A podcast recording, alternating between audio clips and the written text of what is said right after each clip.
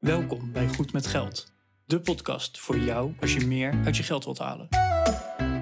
Je financiën op orde of eerder kunnen stoppen met werken? Schuif aan, want hier zijn we goed met geld.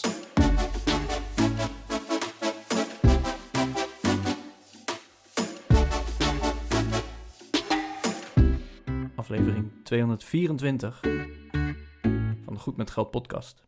Welkom bij weer een nieuwe aflevering van de Goed met Geld podcast. En vandaag in de show, uh, Arjen hier trouwens, vandaag in de show, ja, onze favoriete onderwerpen. Uh, geld, winst, dividend en belastingen.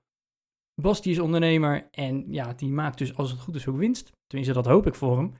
En die winst naar jouw eigen privérekening halen, dat noem je dividend. Uitbetalen van die winst, hè? zo moet je dat eigenlijk zien. Maar daarbij komt heel veel meer kijken dan gewoon even wat geld overschrijven. Nou, daar gaan we het vandaag over hebben. Hoe gaat dat in zijn werk? Wat zijn de regeltjes? En uh, hoe zit het nou eigenlijk met belastingen daaromtrent? Want dat zijn nogal wat gekke regeltjes. En die gaan ook nog eens wijzigen. Nou, een aflevering dus vol. Wil je hier meer over weten, dan zou ik vooral even naar jouw eigen financieel adviseur uh, gaan, uh, gaan en daar vragen hoe zit dat nou eigenlijk. Maar in ieder geval in deze aflevering heel veel triggers voor jou om hiermee aan de slag te gaan. De informatie verder vind je op goedmetgeldpodcast.nl slash 224. Daar kun je ook even reageren. Dat zijn namelijk de show notes van vandaag. En wil je ons persoonlijk nou een berichtje sturen? Dat kan goedmetgeldpodcast.nl slash contact. Heel veel luisterplezier. Goedemorgen Arjan. Hey Bas. Daar zijn we weer. Daar zijn we weer. Hey Bas, um, jij hebt een, uh, ja, wij houden een heel systeem bij met welke afleveringen we gaan doen. En jij hebt een kaartje toegevoegd. Ja. En, en dan moet ik even klikken voor de goede naam. Het dividend als ondernemer. Ja, zeker. Ja. En ik denk gewoon, joh, je bent ondernemer. Huppakee, je maakt naar je eigen bankrekening over lang leven de lol en we zien wel weer. Maar wat, zo werkt is, het niet. Dat is wat jouw baas ook doet met jouw salaris natuurlijk. Ja, nee, daarom. Uh, ja. Gewoon betalen. En, uh, en dan is het weer klaar. Nou, ik kan je vertellen dat ook voor salaris daar nog iets meer haak en ogen aan zitten voor de werkgever. Want hij maakt inderdaad naar jou een uh, netto loon over. Uh, maar er zit wel een berekening achter dat hij niet alleen dat netto loon overmaakt, maar uh, hij maakt eigenlijk ook jouw bruto loon over. Het verschil tussen het bruto en het netto loon, dat maakt hij naar de belastingdienst over, namens jou. Want dat is de belasting die jij betaalt, maar die door je werkgever alvast even als soort voorschot wordt ingehouden en dan de belastingdienst wordt gegeven elke maand. En daarbovenop betaalt de werkgever ook nog weer wat loonheffingen aan de werkgeverskant voor jouw bruto loon. Um, dus, dus zomaar geld overmaken, dat is het ook niet. En dan heb je nog met pensioen te maken en weet ik wat allemaal voor, uh, voor andere fratsen. Dus nee, zomaar even wat geld overmaken, zelfs in loondienst is dat er ook niet bij. Maar um, ja, dus als, als, ondernemer dus ook niet. En uh, je kunt wel zeggen van ja, we, hebben gewoon, uh, we willen gewoon even wat geld overmaken. Nou, dat kan natuurlijk, er zijn ook wel mogelijkheden voor. Alleen daar moet je een beetje mee oppassen. Dat is, het is wat tricky om zomaar geld aan jezelf over te gaan maken, als, in ieder geval als ondernemer met een BV. Van eenmaal zaken is het weer wat makkelijker. Maar ja, laten we daar eens in duiken. Want we kennen natuurlijk, uh, denk ik, als particulier beleggers het concept dividend wel. Een bedrijf maakt winst en uh, kan er dan voor kiezen om die winst of een deel daarvan uit te keren aan de, aan de aandeelhouders. Ja. Net als als jij in VWRL belegt, wat ik denk veel van onze luisteraars doen. Uh, dan krijg je elk kwartaal een stukje dividend van VWRL. Nou, dat krijg je niet van VWRL, van Vanguard. Hè, dat is het fonds dat achter, het bedrijf dat achter het VWRL-ETF zit. Vanguard betaalt dat natuurlijk niet aan jou. Het zijn al die bedrijven waarin belegd wordt namens jou, die, die betalen dividend uit. Want die zeggen, hè, we hebben zoveel winst, uh, gemaakt. winst gemaakt. Dus daar een deel, een deel daarvan houden we in het bedrijf om uh, verdere groei van te kunnen financieren bijvoorbeeld. Hè. We willen misschien uh, investeren in, in uitbreiding naar een nieuw land of vestigingen openen of machines kopen of whatever. Dus je hebt ook geld nodig als bedrijf zijnde om uitbreidingen te financieren. Ja. Daar kan je voor naar de bank gaan. Dat kan je ook natuurlijk doen met de winst die je maakt. Hey, ik heb winst, ik heb meer euro's op de bank. Die euro's gebruik ik om mijn groei te betalen. Um, maar het komt bij veel bedrijven, zeker bij de bedrijven die al wat langer bestaan, ook voor dat ze dividend uitkeren. Omdat ze zeggen van ja, onze aandeelhouders die moeten er ook beter van worden dat ze aandeelhouder zijn. Het is niet alleen maar, oh, leuk je hebt een aandeel. Nee, daar moeten moet ze ook voor beloond worden. Ze moeten ook gewoon jaarlijks of, of twee keer per jaar, vier keer per jaar een stukje van die winst uh, uh, als cash ontvangen. Dat is eigenlijk wat, uh, wat dividend is. Ja. Dus het bedrijf heeft overtollige liquide middelen. Ze hebben te veel geld waar ze eigenlijk geen goed doel voor hebben in het bedrijf. Dus dat goede ja, doel dan, wordt de portemonnee van de aandeelhouders. Van de, eigenaren, van de aandeelhouders, ja. ja. En okay. voor beurs, beursgenoteerde bedrijven merk je dat dus als je, uh, als je belegt in een aandeel, een KLM, een Ahold, een uh, KPN, en, uh, noem, de, noem de Nederlandse beursgenoteerde bedrijven maar op, die zullen waarschijnlijk wat dividend uitkeren. En als jij in een ETF of in een indexfonds belegt, dan eh, zal dat fonds ook eh, dividend uitkeren. Want die onderliggende aandelen die keren allemaal dividend uit naar het fonds. En dat wordt vaak vier keer per jaar dan naar jou als aandeelhouder eh, over, overgedragen.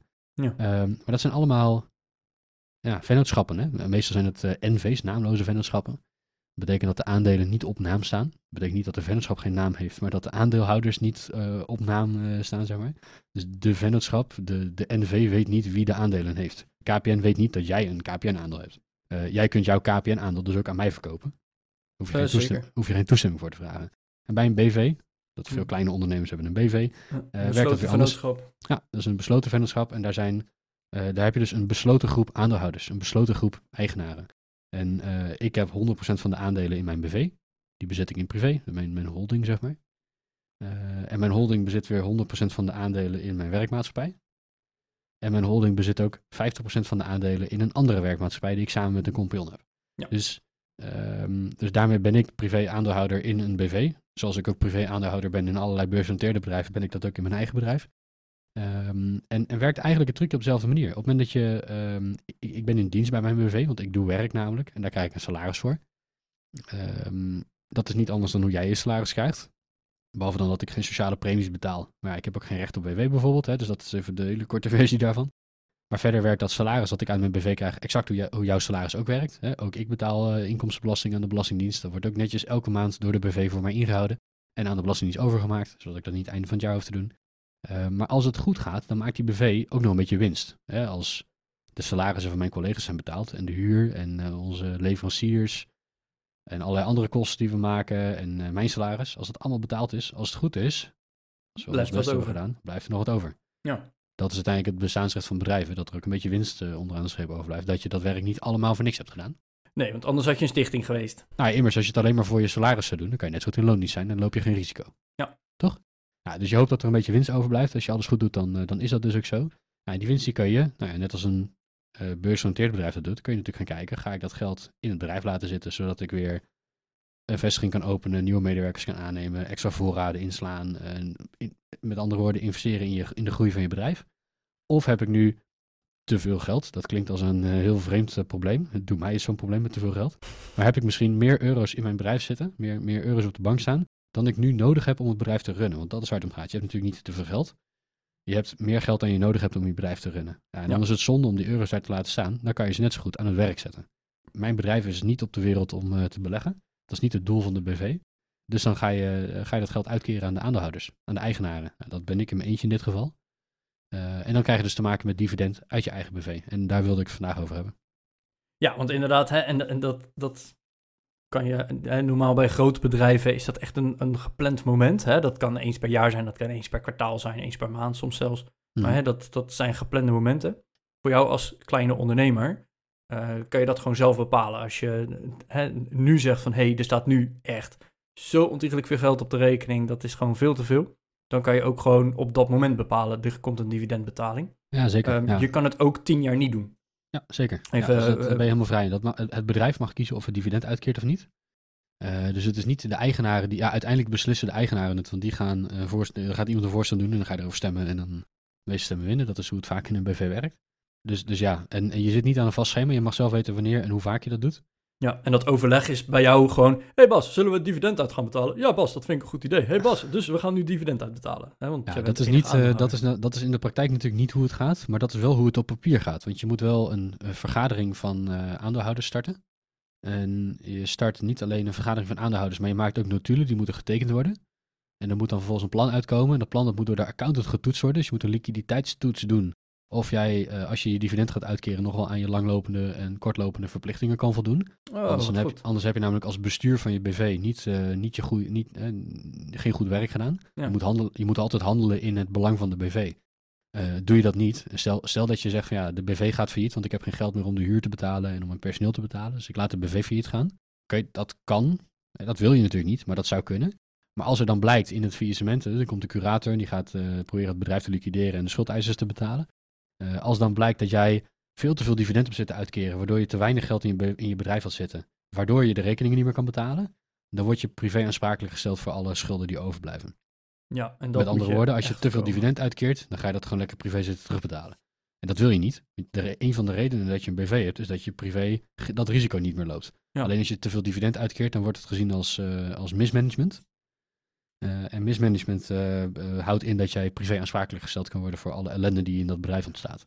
Ja. Dus daar moet je een beetje voorzichtig mee zijn. Met andere woorden, je gaat eerst met alle aandeelhouders, dat ben je zelf vaak in je eentje, of met z'n tweeën misschien als je, nou, whatever, kan van alles zijn. Ga je overleggen van gaan we dividend uitkeren en zo ja, hoeveel? Daar maak je notulen van die vergadering, die teken je allebei, zowel als voorzitter als als, als, als aanwezige. Ehm, dus dat is wel humor. Dan ga je twee keer je handtekening zetten onder dat document. Vervolgens laat je de accountant een eh, liquiditeitstoets doen. En die gaat eh, in een eh, grote spreadsheet gaat hij allerlei vinkjes bij nee zetten. Komt het bedrijf in de problemen als? Komt er- is er genoeg geld voor? Dan moet je ja aanvinken. Weet je, dus dat, dan heb je de toets gedaan en dan is dat ook jouw bewijs richting een eventuele curator, mocht je in de toekomst problemen krijgen en de vraag gesteld worden van nee, het dividend dat je in 2023 hebt uitgekeerd, kon dat wel? Ja, kijk, van de accountant mocht het. Ja. Ehm, dus dan, dan heb je voldaan aan je verplichtingen om goed management te plegen, zeg maar. Ehm, wat je vervolgens moet doen, is dat je eh dividendaangifte moet doen bij de Belastingdienst. Zoals je ook elke keer als je salaris betaalt loonaangifte doet. Elke keer als je je BTW naar de Belastingdienst overmaakt, de omzetbelastingaangifte doet. Eén keer per jaar de vennootschapsbelasting, één keer per jaar de inkomstenbelastingaangifte. Dat moet je ook voor je dividend doen, als BV zijnde. Dus je doet dan aangifte bij de Belastingdienst van ik ga nu 100.000 euro dividend uitkeren. Ehm, en de Belastingdienst zegt dan oké, dat is fijn, maar dan moet je even belasting over betalen. Je moet als BV zijnde, of als NV zijnde, dividendbelasting betalen. En die wordt ingehouden namens de eigenaren, maar die wordt wel door de BV ingehouden. En dat, is, eh, dat is eigenlijk de eerste, eh, de eerste onhandigheid die zeg maar, in het systeem zit. En dat is ook de reden dat je niet maandelijks of wekelijks eh, dividend wil uitkeren. Misschien zelfs niet eens jaarlijks, want dat is wat gedoe. Ehm daar gaan we later op terugkomen in deze aflevering, hoe je dat dan wel zou kunnen doen. Overigens, deze aflevering bevat, voordat ik het vergeet, geen financieel advies, geen fiscaal advies. en ook niet, ja, maar het moet van Bas. Nee, je bepaalt het zelf. Ehm, bedenk zelf wat je wil doen. Overleg het met je accountant of met je fiscalist. Uiteindelijk, eh, dat is het enige advies wat we geven. ja, je bent als ondernemer verantwoordelijk voor de keuze die je maakt. Dus laat je informeren door mensen die er verstand van hebben. En eh, de accountant en de fiscalist die zullen daar met z'n tweeën verstand van hebben van wat de impact is van het uitkeren van dividend en hoe vaak je dat doet. Dus alles wat ik nu aan het vertellen ben, dat zijn mijn ervaringen die ik heb. En dat zijn niet, eh, ik heb er niet voor gestudeerd. Nee, het, het advies is bespreek dit met jouw financieel adviseur. Eh, ja, in welke vorm dan ook inderdaad. Maar niet, eh, eh, doe het niet omdat ik het zeg. Anyhow, ehm, je gaat, eh, s- stel de BV bus heeft overtollige liquiditeit, want er is veel winst gemaakt enzovoorts. En er staat een, een ton op de rekening te verstoffen. Nou, dan zou je dus kunnen zeggen, want ik ga nu die 100.000 euro als dividend uitkeren. Wat je dan Ja. doet is dat je een, ehm, eh, je doet die, een, een belastingaangifte vanuit de BV. waarin je aangeeft, ik ga nu eh 100.000 aan dividend uitkeren aan de aandeelhouders. Of dat er nou één of meerdere zijn, dat maakt niet uit natuurlijk. Eh, en de Belastingdienst zegt dan, nou, dat is goed. Dus dan, eh, dan mag jij 85.000 daarvan uitkeren aan de aandeelhouders en 15.000 aan mij. Ja, dus dat is die 15% die, eh, die jouw bedrijf dus eigenlijk al als dividendbelasting moet betalen. Ja, en dat is, dat is een voorbelasting. Dus dat is net als dat de, op het moment dat jouw werkgever jouw salaris uitbetaalt, dan houdt hij al het belastingdeel in. Hè? Dus, dus het verschil tussen jouw bruto en netto loon, dat wordt door je werkgever al aan de Belastingdienst overgemaakt. Alleen dat verreken jij op het eind van het jaar als je je aangifte doet. Ja, Dan oké. zeg je van ja, ik had eigenlijk dit moeten betalen. Eh, mijn werkgever heeft al als voorbelasting het volgende ingehouden. En het verschil, dat krijg je terug of moet je bijbetalen. Nou, dat werkt met dividendbelasting eigenlijk net zo. Ehm, als aandeelhouder met een aannemelijk, of nee, niet een aannemelijk belang. Het is sowieso aannemelijk, want je hebt die aandelen. Ehm, als aandeelhouder met een aanmerkelijk belang. Een Ja. aanmerkelijk belang wordt gekenmerkt als 5% of meer van eh, of de zeggenschap of de winstbewijzen in een BV of NV of stichting of nou, whatever. 25%. Nee, 5%. Als 25% dan word je eh, UBO. Oh, dan word je eh, UBO. Ja, dat is waar. Nee, ik- Ultimate Beneficiary Owner. En dan Ja. word je dus ook geregistreerd in het UBO-register. Dat is Europees eh gezien ja, en dan verplicht. word je weer WWFT gecheckt extra Ja, en al dat exact, soort dingen. exact wat jij zegt. Ik ben Ja, in de war ehm, inderdaad. Ja, Maar aannemelijk. vanaf, vanaf aanmerkelijk vijf, belang. als, je, als je 5% of meer van, de winst, eh, van het winstrecht of van het stemrecht in een vennootschap hebt, eh, dan ben je aanmerkelijk belanghouder. En dat betekent dat je dan eh, als aanmerkelijk belanghouder zijnde dividendbelasting betaalt. Of nee, geen dividendbelasting, maar dat je inkomstenbelasting betaalt in privé. Over het voordeel dat je hebt uit het bezit van die aandelen of winstbewijzen. Oké. Ehm, dat houdt in dat je in eh, al, al het eh, voordeel dat je uit je werk hebt, je salaris, en dat je uit je eigen woning hebt, eh, de hypotheekrenteaftrek bijvoorbeeld, eh, die vallen in box 1. Nou, die is eh, voor iedereen denk ik wel bekend. Dan hebben we box 3 voor als je privé vermogen hebt waar je over belast wordt. Ehm, en, en de aanmerkelijk belanghouder, die wordt eh, in box 2 belast. Dus al het voordeel dat je hebt van, van jouw bezit in een vennootschap, of van de winstrechten in een vennootschap, eh, die worden in box 2 privé belast. Heb je inkomstenbelasting. Ja. Eh, die geef je één keer per jaar dus ook aan. En ehm, eh, je hebt voordeel van, jouw eh, van jouw aandeel, be- aandelenbezit in een vennootschap als je meer dan 5% hebt op het moment dat er dividend wordt uitgekeerd of op het moment dat jij jouw aandelen met winst verkoopt. In beide gevallen word je in box 2 aangeslagen. We slaan even het stukje over van de, ehm, van de dividendbelasting die de BV gaat inhouden. Hè. Dat is 15%, dat weten we nu. We gaan dat heel even overslaan, komen we straks op terug. Ja. Wat er namelijk gebeurt is dat jij eh, als aandeelhouder zijnde in privé eh, een inkomstenbelasting moet betalen. En in de inkomstenbelasting zit een box 2 waarin jij als aanmerkelijk belangouder wordt belast. eh, op het moment dat je dividend gaat, gaat ontvangen. Die dividenduitkering die wordt belast in privé op dit moment, als we het opnemen in 2023, voor 26,9%. Dus dat betekent dat het bedrijf heeft winst gemaakt, heeft in het bedrijf winstbelasting betaald, vennootschapsbelasting. Wat er overblijft na de vennootschapsbelasting, dat zou je kunnen gaan uitkeren als dividend zijnde, als je genoeg geld hebt om je verplichtingen te kunnen voldoen. Ehm, en dat dividend dat dan wordt uitgekeerd, laten we zeggen die 100.000 euro, daar moet jij als aandeelhouder 26,9% inkomstenbelasting over betalen in box 2. Het is niet zo dat jij dan 26.900 euro moet dokken aan de Belastingdienst. Wat er namelijk gebeurt is dat de BV een stukje voorbelasting betaalt. Dus de BV die gaat alvast 15% dividendbelasting inhouden op de uitkering die gedaan wordt. Dus er wordt een bruto dividenduitkering van 100.000 gedaan, eh, waarvan er 15.000 aan de fiscus wordt overgemaakt en 85.000 aan de aandeelhouder. Ja. De aandeelhouder krijgt 85.000 euro op de bankrekening gestort, maar dat is netto dividend voor de BV, want de BV heeft immers zijn eh, belastingplicht voldaan. Maar voor de ondernemer is dat bruto dividend. De ondernemer moet namelijk in box 2 inkomstenbelasting gaan betalen over die 100.000 euro dividend die is uitgekeerd. Niet over de 85.000 die op de rekening komt, maar over de 100.000 die oorspronkelijk is uitgekeerd. Oké, ja. Wat er dan gebeurt is dat je een, eh, eh, op je inkomstenbelasting eh, aangifte van het jaar erop, maar als je slim bent dan doe je dat met een tussentijdse aangifte zodat je meteen kan betalen, anders dan krijg je een hele grote aanslag achteraf. Dat je op je inkomstenbelasting aangifte geef je aan dat je in box 2 een voordeel van 100.000 hebt gehad. En dat de, het bedrijf waar jij dat dividend van hebt ontvangen, voor jou alvast 15.000 heeft betaald. Nou, wat de Belastingdienst dan zegt in, de, in dat eh, aangifteprogramma is: oké, je hebt 100.000 bruto dividend ontvangen van, vanuit de aandelen die jij in box 2 hebt zitten. Daar moet jij 26.900 euro inkomstenbelasting over betalen. Er is al 15.000 euro aan voorbelasting betaald. Dus het verschil wat er overblijft is 11.900 euro. Die moet jij als privépersoon die moet jij in je inkomstenbelasting aftikken. Als je slim bent, wacht je dus niet tot volgend jaar maart, april, mei, juni, wanneer je inkomstenbelasting aangifte doet. En dan denk je, mei, juni, zo, dat is laat. Maar ondernemers doen vaak later aangifte. Dat is vaak omdat de accountant achterloopt. Eh knipoog naar de accountant. Doe, wees nou eens op tijd, doe je ding. Ehm, eh, als je het zelf doet, dan kan je op 1 maart natuurlijk eh, op briefreis drukken, net zolang tot je in het systeem zit. Dan heb je meteen je aangifte gedaan. Ondernemers zijn later, later daarmee. Ja, het is natuurlijk niet relaxed als jij 85.000 euro op je rekening krijgt, waarvan je weet van ik moet er nog bijna 12.000 keer weggeven. Dat is niet handig. Wat je dan doet is dat je een voorlopige aangifte indient. Net als dat je kunt doen als je bijvoorbeeld heel veel hypotheekrente aftrek krijgt. Kan je ook voorlopige aangifte Ja, doen. ja. Krijg je misschien al, al, al eerder je geld terug dan volgend jaar. Eh, dat geldt voor de dividendbelasting net zo. Dus je doet een aangifte en zegt ja, ik heb zoveel salaris, ik heb zoveel vermogen, dit is mijn huis. En ik heb zoveel dividend ontvangen. En dan zegt de Belastingdienst, oké, dan moet je even vast betalen. Nou prima, dan maak je die 12.000 over. En dan wat er overblijft is echt helemaal netto, netto, netto dan natuurlijk. Ja. Eh, dat is heel kort eh, hoe dividend werkt. En ehm, ik weet niet zo goed wat de reden is van de voorbelasting, van die 15% eh, die je dan weer in privé mag verrekenen met je inkomstenbelasting box 2.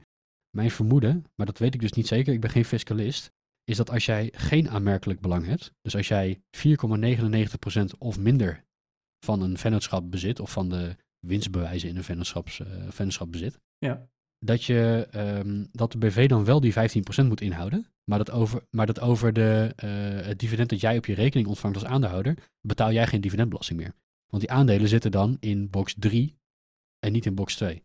Nee, en dat, dat is dus eigenlijk mijn vraag van waarom kan die belasting niet gewoon in één keer? Want eh, ik, ik snap inderdaad eh, dat het ergens een voorschot nodig is en dat, het, dat er waarschijnlijk meerdere redenen voor zullen zijn. Maar waarom kan het niet gewoon in één keer? Dat is toch veel makkelijker, net zoals dat bij je salaris gaat. Maar goed, Ehm, want inderdaad, als jij eh, bijvoorbeeld in een fonds of, of weet ik het waar, als je daar al dividendbelasting op betaald hebt, eh, dan wordt het uiteindelijk weer ook verrekend, of die, die 15% die het bedrijf dan heeft betaald, die wordt uiteindelijk verrekend eh, met jouw box 3 belasting die je nog Ja. moet gaan betalen. Ja, en daar zit precies het verschil in. Hè? Op het moment dat jij, ehm, als je minder dan die 5% hebt, dan zitten jouw aandelen in box 3. Heb je meer dan die 5%, of eh, nee, heb je 5% of meer, Ja. eh, zeg, zeg ik als IT'er, als programmeur, groter of gelijk, niet groter, maar groter of gelijk aan 5%, dat is een heel belangrijk verschil, dan, dan zitten ze in box 2. En ehm, in, in box 2 is het zeg maar 26,9% over het voordeel met aftrek van de 15% die het bedrijf al heeft betaald. In box 3 is het, je betaalt je box 3 belasting, maar niet specifiek over de, je betaalt dus de belasting over de waarde van die aandelen, maar niet over het inkomen dat je eruit krijgt. Dus En als, dan betaal je eh, de- gewoon de vermogensrendementsheffing. Ja, precies. En als dat bedrag hoger is dan, eh, dan wat je hebt betaald, eh, nee, wat het bedrijf al heeft ingehouden voor jou, mag je dat tegen elkaar wegstrepen. Dus dat is volgens mij de regeling in box Nou, 3. je, je mag het sowieso tegen elkaar wegstrepen.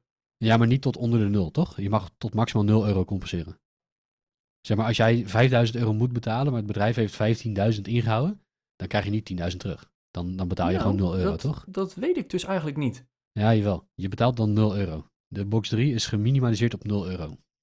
Oh, is het dat? Ja, dat je krijgt durf, niet, eh, ik durf als- het niet als er geen- te zeggen, maar Ja, het ik zou heb het kunnen. Ja, ik, heb, ik heb het vroeger, toen ik de eerste keer dat ik box 3 belasting moest betalen, omdat ik een beetje spaargeld en wat aandelen had. Ja, Ehm, toen moest ik geloof ik eh 15 euro eh, aan, eh, had ik als voordeel in box 3. En daar werd, nou ik heb toen, nee, echt de allereerste keer zeg maar dat ik dat, daarmee te maken had, werd er geen box 3 belasting ingehouden, want ik moest geloof ik iets van 15 euro betalen. Maar al die aandelen onderliggend, die hadden al een voorbelasting van, eh, weet ik veel, 100 euro betaald of zo. Ik heb ge- geen idee, ik noem maar even wat er. Hm? Eh, waardoor mijn box 3 aanslag 0 euro was. Oh, dus dat wordt er afgestreept totdat Ja. het nul is. Ja, het is niet dat je dan extra terugkrijgt van de Belastingdienst. Oh, Dus- dat is, dat eigenlijk en- heel gemeen. Ja, en, dat is dus precies de reden dat de BV die 15% moet inhouden. Zodat als er allemaal kleine aandeelhouders zijn, de Belastingdienst alsnog zijn geld krijgt. Ja. Want die, Oh, krijgen, dan in, die krijgen dan in elk geval die 15%. ja. En op het moment dat het een eh, aanmerkelijk belanghouder is, dus een aandeelhouder met meer dan 5%, of 5 of meer procent, dan, eh, dan, dan wordt de inkomsten voor de Belastingdienst, die worden dan 26,9%. eh, waarvan de ondernemer een deel betaalt en het bedrijf een deel betaalt. Dat, dat is dan wat er gebeurt, zeg maar. Hm. Ehm, dus dat is eigenlijk heel kort hoe dividend als ondernemer werkt. Ehm, eh, de korte recap is, je doet een, eh, een poos lang je best als bedrijf zijnde. Niet per se als ondernemer, maar als bedrijf zijnde. Met z'n allen maak je eh, hopelijk winst. Ehm, hopelijk zet die winst zich ook om tot euro's op de bank. Dat hoeft niet altijd zo te zijn namelijk. Hè. Winst is niet gelijk aan geld op de bank. Eh, maar als jouw winst leidt tot geld op de bank, dan kan het zo zijn dat je zegt, ik heb nu meer geld dan ik nodig heb om het bedrijf te runnen. En ik kies ervoor als bedrijf zijnde, kies ik ervoor Dus het bestuur van het bedrijf, de directie van het bedrijf kiest ervoor om dividend aan de aandeelhouders te gaan uitkeren. De aandeelhouders gaan daarover stemmen in de aandeelhoudersvergadering. Die stemmen voor of tegen. Als ze voorstemmen, dan wordt bela- eh, wordt dividend uitgekeerd. Daarvan wordt er dividendbelasting betaald door de BV. Dat is 15% van de bruto uitkering. Van de netto uitkering, dus die 85% die bij de aandeelhouders terechtkomt, één of meerdere, eh, moeten zij een aangifte inkomstenbelasting doen in privé in box 2 als ze een aanmerkelijk belanghouder zijn, of in box 3 als ze dat niet zijn. Ehm, en mogen ze eh, de teveel betaalde belasting in box 2 of in box 3 wegstrepen met die 15%. Dus die 15% mogen ze in mindering brengen op de teveel betaalde belasting dan. Ja. Ehm, nou, in box 3 zal dat eh, lang niet altijd het geval zijn, waardoor jouw privébelasting in box 3 eh, geminimaliseerd wordt. In box 2 is de belastingdruk wat hoger en moet je dus over dat inkomen dat je krijgt wel belasting betalen. Mag je wel weer corrigeren met die 15% die al door het bedrijf is ingehouden. En dan hou je vanuit je bruto 100% hou je dus netto, wat is het, eh 73,1% eh, in privé over. Ja. Waar ik dan nog even benieuwd naar ben, voordat we naar het volgende stapje gaan, want eh, er zijn nieuwe kabinetsplannen, hè? Je, je Ja. kent het wel. Tijdens het spelen van het spel worden de regels weer aangepast. Classic. maar jij hebt twee BV's, want eh, hè, jij bent, Eh 2,5 zelfs, ja. ja, nou 2,5. Eh, hè, jij bent eigenaar van jouw eh, BV, hè, eh, eh, Bas BV. En in Bas BV zit het eigendom van eh, Bas, ik heb een bedrijf BV en Bas, ik heb nog een half bedrijf BV. Klopt. Ja, Maar- dus, de, dus de keten van dividend is iets langer. Ja, en ik ben dus benieuwd, betaal je dus twee keer dividendsbelasting? Want Nee. eigenlijk, jouw Bas, ik ben aan het werk BV, die betaalt het dividend niet aan jou direct, maar dat betaalt het aan Bas BV uit. Nou, dat is een hele goede vraag. Die vraag had ik ook eh, bij de accountant. Dat ik zei, dat is vet oneerlijk. Dan heeft het helemaal geen zin. Dan kan ik beter in een eenmanszaak blijven. Want anders dan, dan ga je heel vaak dividendbelasting te betalen. Dan blijft er niks over. Ja. Nou, dat is natuurlijk niet eerlijk. Eh, overigens is het is niet eerlijk geen argument voor de overheid om niet een regel te maken. Er zijn zat oneerlijke regels, vind ik. Maar goed, dat is een politieke discussie, niet voor deze podcast. Nee, ik wou zeggen. Dat, eh, maar, maar gelukkig is de wetgever vond dat ook niet eerlijk. Dus wat er gebeurt is voor ondernemers die een structuur van BV's hebben, wat praktisch elke MKB'er in Nederland met een BV heeft er meerdere. Als een BV, ik meen dat de grens ook 5% is, maar dat weet ik niet 100% zeker. Dus pin me daar niet op vast. Nogmaals, ik ben geen fiscalist. Ehm, ik meen dat de grens 5% is, eh, waarin een BV meer dan 5, of meer procent van de aandelen in een andere BV bezit. Ehm, is de dividendtransactie tussen die BV's vrijgesteld. Oké, dus als jij een, eh, eh, laten we die ton gewoon even aanhouden. De- Bas, ik ben aan het werk, 100% BV. Die betaalt dus die ton in één keer aan. Bas, ik heb alle bedrijven BV. En daar, zit, en daar wordt geen belasting aan. eh, En daar wordt eh, geen belasting op ingehouden. En Bas, ik heb alle bedrijven BV. Gaat jou dan dividend uitkeren? Want jij bent de enige aandeelhouder. Ja, dus er wordt 100.000 bruto en 100.000 netto overgemaakt van de werkmaatschappij naar mijn holding. Ja? En er wordt dividendaangifte bij de belasting niet. Nee, die er hoeft zelfs geen aangifte gedaan te worden. Volgens mij is er een vrijstelling ook van aangifte.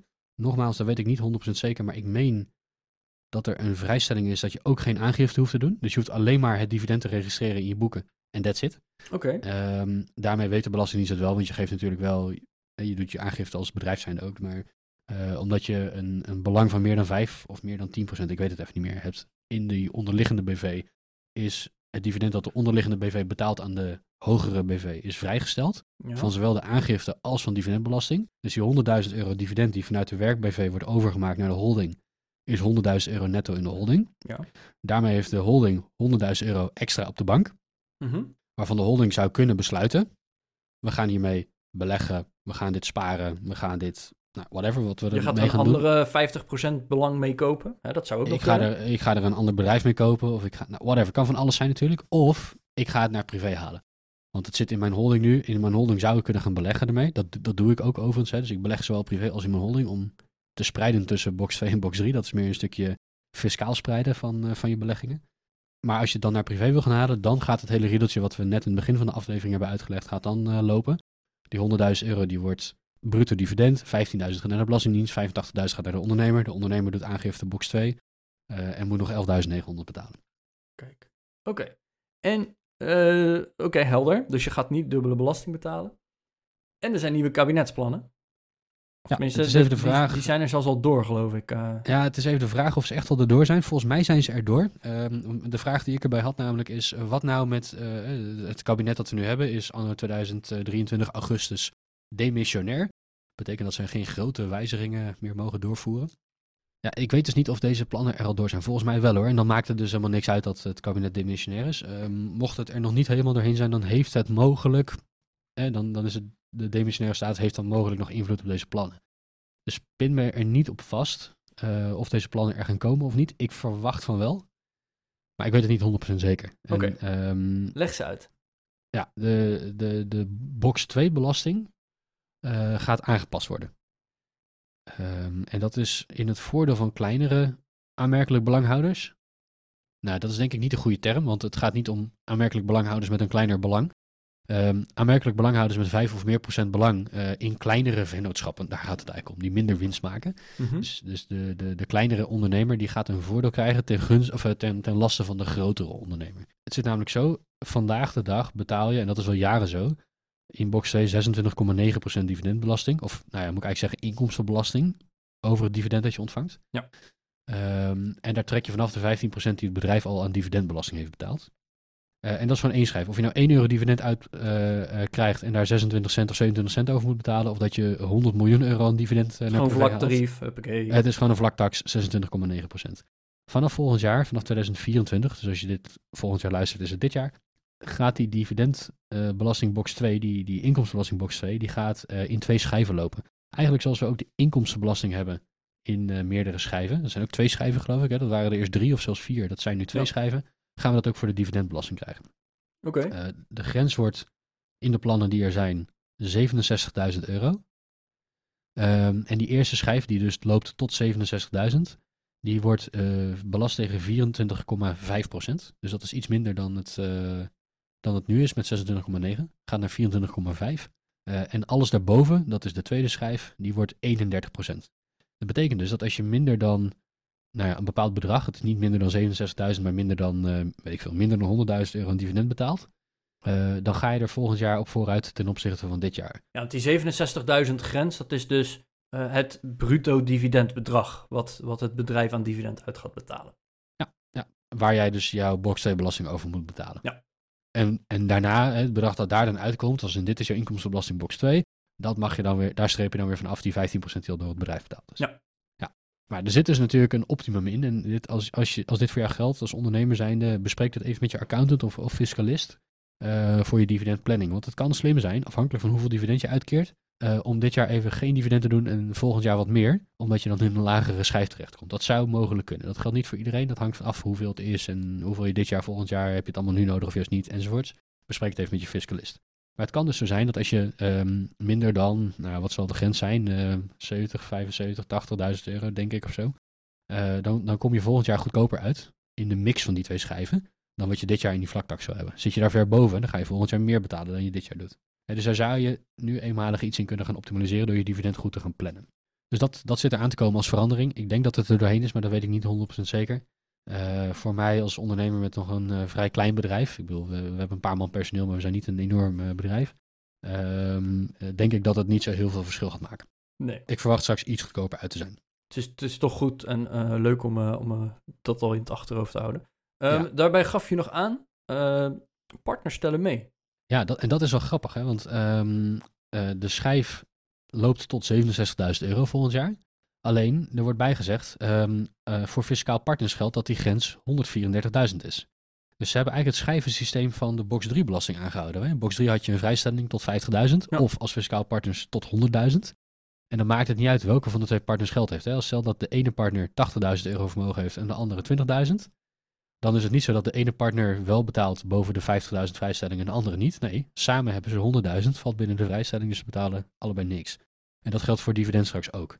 Dus dat betekent dat als één partner uh, in gewoon in loondienst is of niet werkt en de andere partner is ondernemer en krijgt 133.000 euro dividend, maar is fiscaal partner, dan valt die 133 volledig in de lage schijf, omdat fiscaal partners tot 134.000 euro de lage schijf mogen gebruiken.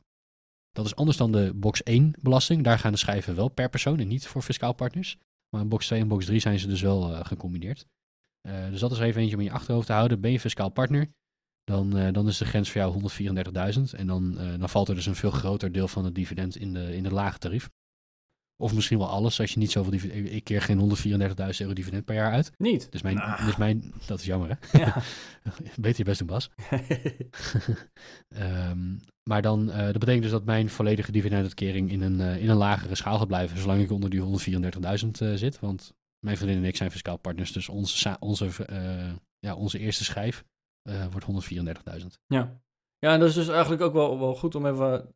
De verandering is dus voornamelijk de, de vlaktax van 26,9%, die je effectief betaalt over je, je dividend, die gaat nou, gewoon naar beneden in de eerste instantie. Hè, tot 67.000 gaat hij naar 24,5%.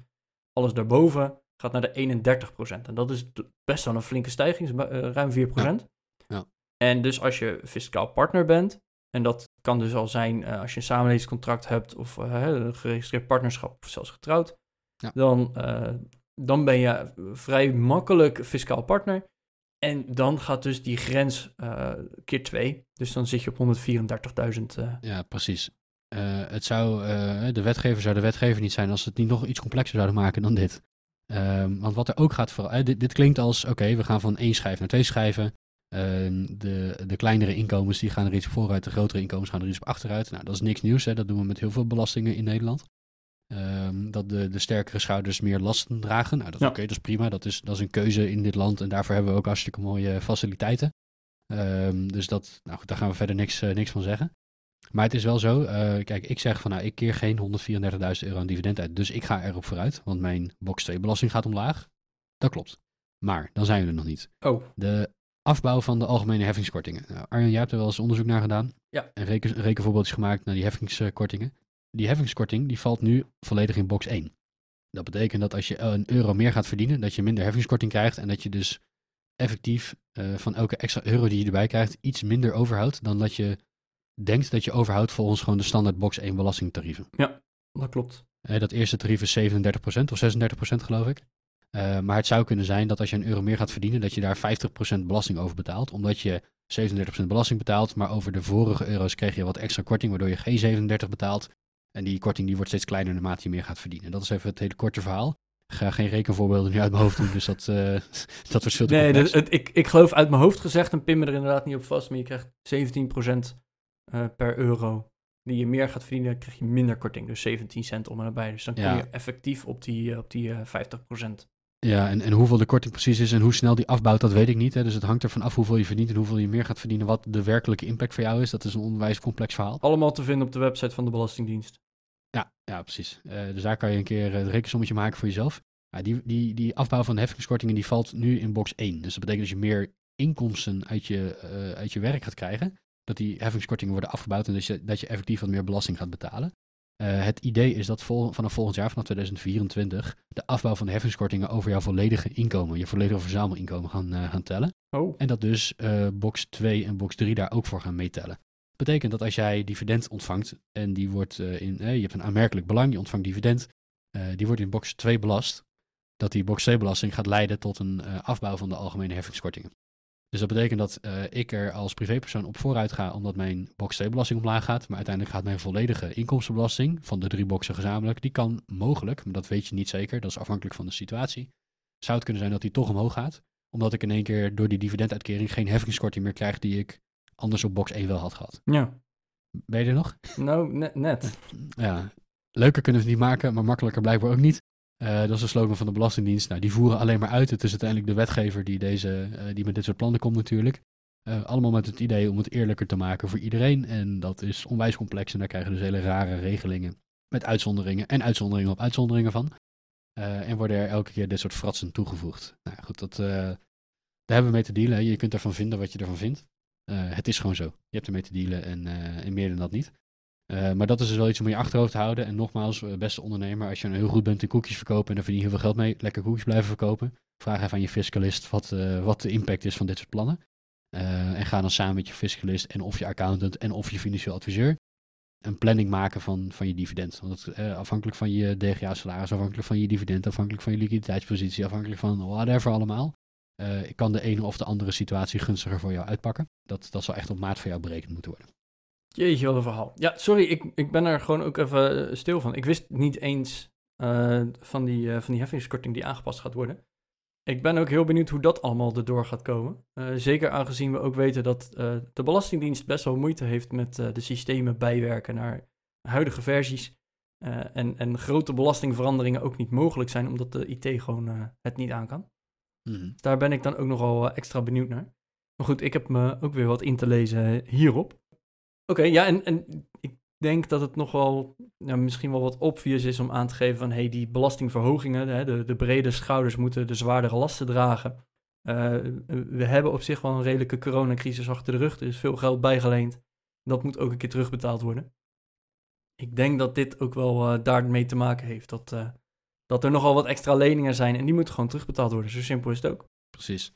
Ja, daar, daar zie je dus dat de belastingen gewoon eh, over de hele linie wat verhoogd worden, waarbij ondernemers geraakt worden, waarbij eh, box 3 geraakt wordt, hè, dus beleggers. En ehm, ik denk dat het eh, idee daarvan is dat ondernemers en beleggers over het algemeen wat vermogender zijn dan, dan mensen die dat niet, Dat zijn de mensen met de brede schouders.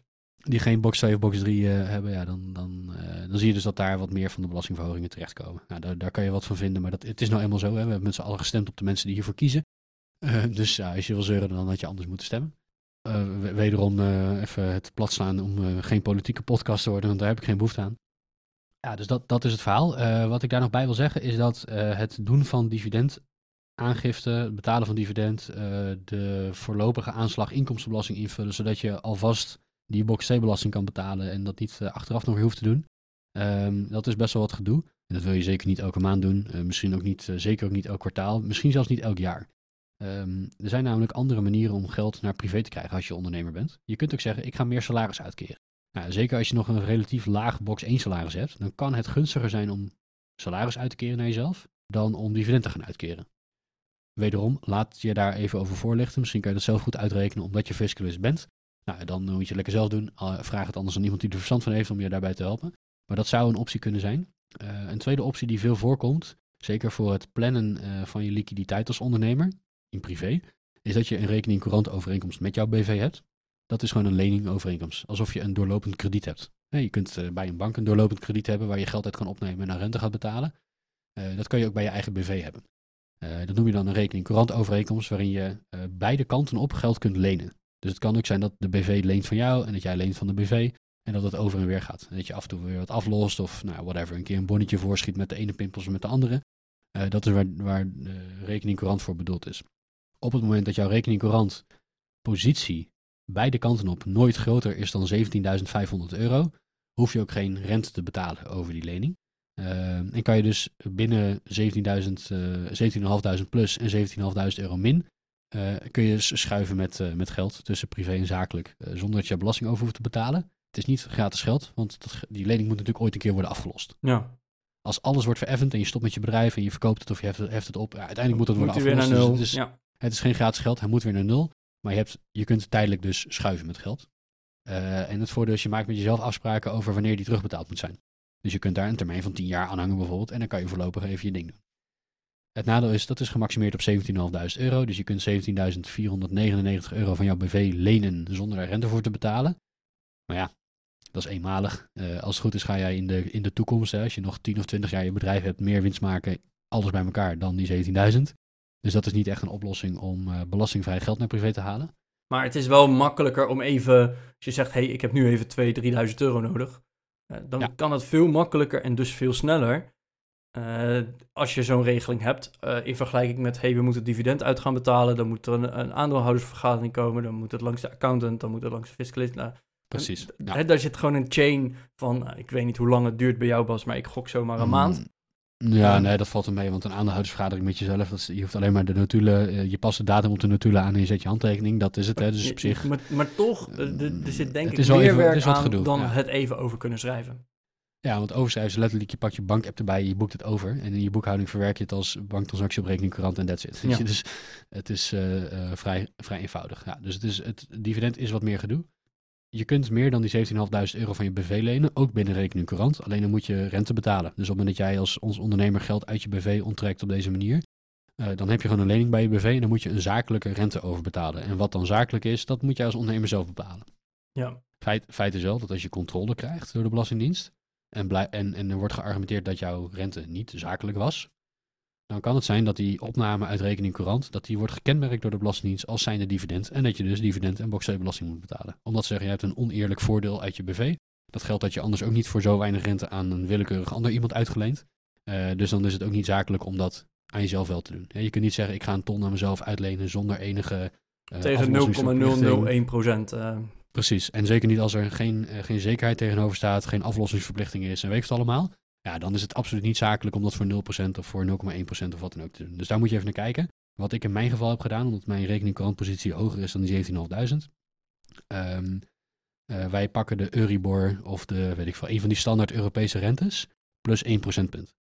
Dus ze zeggen van ja, ik bepaal niet wat de rente is. Dat, de, de, de kapitaalmarkt bepaalt wat de rente is. En elk jaar op 1 januari kijken we wat is die rente. Daar doen we 1 procentpunt bovenop. Dus ik meen dat het 2,5% was 1 januari dit jaar. Dus ik betaal dit jaar 3,5% rente over de rekening courant uh, lening die ik bij mijn BV heb. -hmm. Um, en dan heb je naar de Belastingdienst toe altijd een argument van dit is gewoon een zakelijke rente. Ik heb hem niet zelf bepaald. Dit is gewoon wat de rentestand ja, is. Gewoon lekker onafhankelijk. Uh, ja. Als de, ja. de Belastingdienst het daar niet mee eens is, dan gaan ze maar bij de, de banken en instellingen die de Euribor-rente bepalen. Nou ja, maar dat, dat, is, dat, dat is het wel. En, en daar doen we dan nog een procentpunt bovenop om te zeggen van ja, weet je, het is ook niet uh, geld dat tussen banken heen en weer wordt geschoven voor die Euribor-stand. maar het is, er zit nog een opslag van 1 procentpunt bovenop. Want dat had de bank anders ook gedaan. Die doet ook een opslag op, ja. op, het, op de kostprijs van kapitaal. Om eraan te verdienen. Dus dat is eerlijk. En dan heb je gewoon een goed verhaal. Ja. Um, en dan kan je inderdaad bedenken van... hé, hey, ja, maar dit kost dus geld. Ja, maar dat geld wat het kost... dat komt effectief ook gewoon weer bij jouw eigen bedrijf terecht. Sterker nog, wat je, wat je doet is... ja, het kost geld. Ik betaal dus elk jaar rente aan mijn BV. Ja. Uh, maar dat maak ik niet cash over. Die rente, stel dat ik... Uh, weet ik veel, noem even een voorbeeld. Je moet 100 euro rente betalen. Uh, wat je doet in feite is dat je op 31 december een boeking maakt waarmee je je rekening courant lening met 100 euro verhoogt. En dan heb je 100 euro aan je bedrijf betaald. Ja. Dat is wat je doet. Dus dat, dat komt er niet cash op, maar dat, dat verwerk je gewoon in je rekening courant. Uiteindelijk moet dat een keer afbetaald gaan worden. En het is ook helemaal niet gunstig om superveel te lenen. Tenminste, soms wel, soms niet. Dat hangt ook weer van de situatie af. Kunnen we geen advies over geven hier. Uh, reken dat zelf uit of laat, je daar, uh, laat dat voor je uitrekenen. Wat je dus uiteindelijk kunt gaan doen, is zeggen van nou, ik ga wel maandelijks of één keer per kwartaal of één keer per jaar geld uit mijn zaak halen. Die ik in privé kan gebruiken om mee te beleggen, af te lossen of op vakantie te gaan. Of bier van te kopen, maar hopelijk kan je dat ook van je salaris. Uh, ja.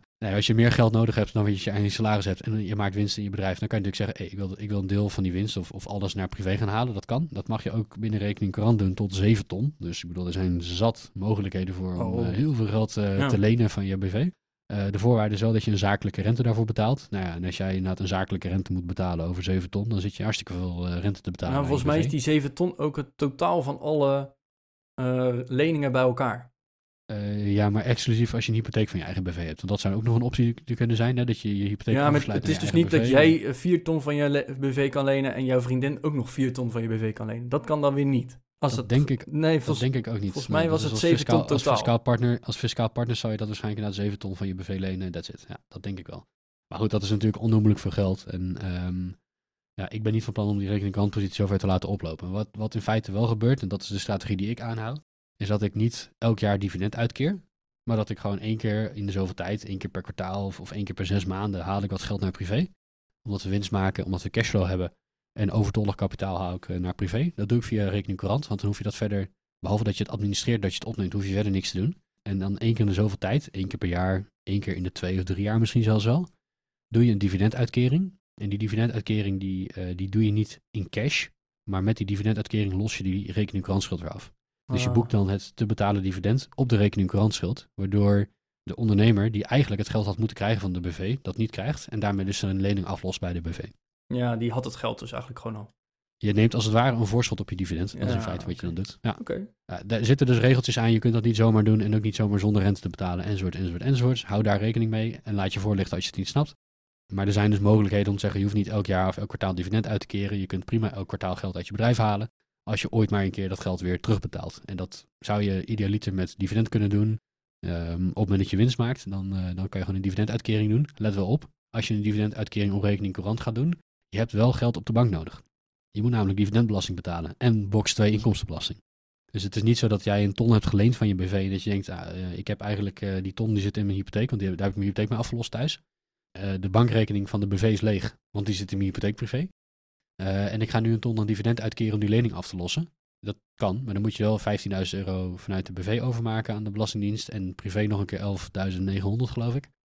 Uh, dus je hebt wel geld nodig als je dividend gaat uitkeren. Ook als je dat doet om je lening af te lossen. Ja, ik, ik denk dat het, het voornaamste, hè, als jij een BV hebt, challenge jouw adviseur met al deze kennis. En uh, ja, zeker. Ja. Hè, laat hem weten of haar weten van, hey, ik heb hiervan gehoord, kan dit voor mij ook?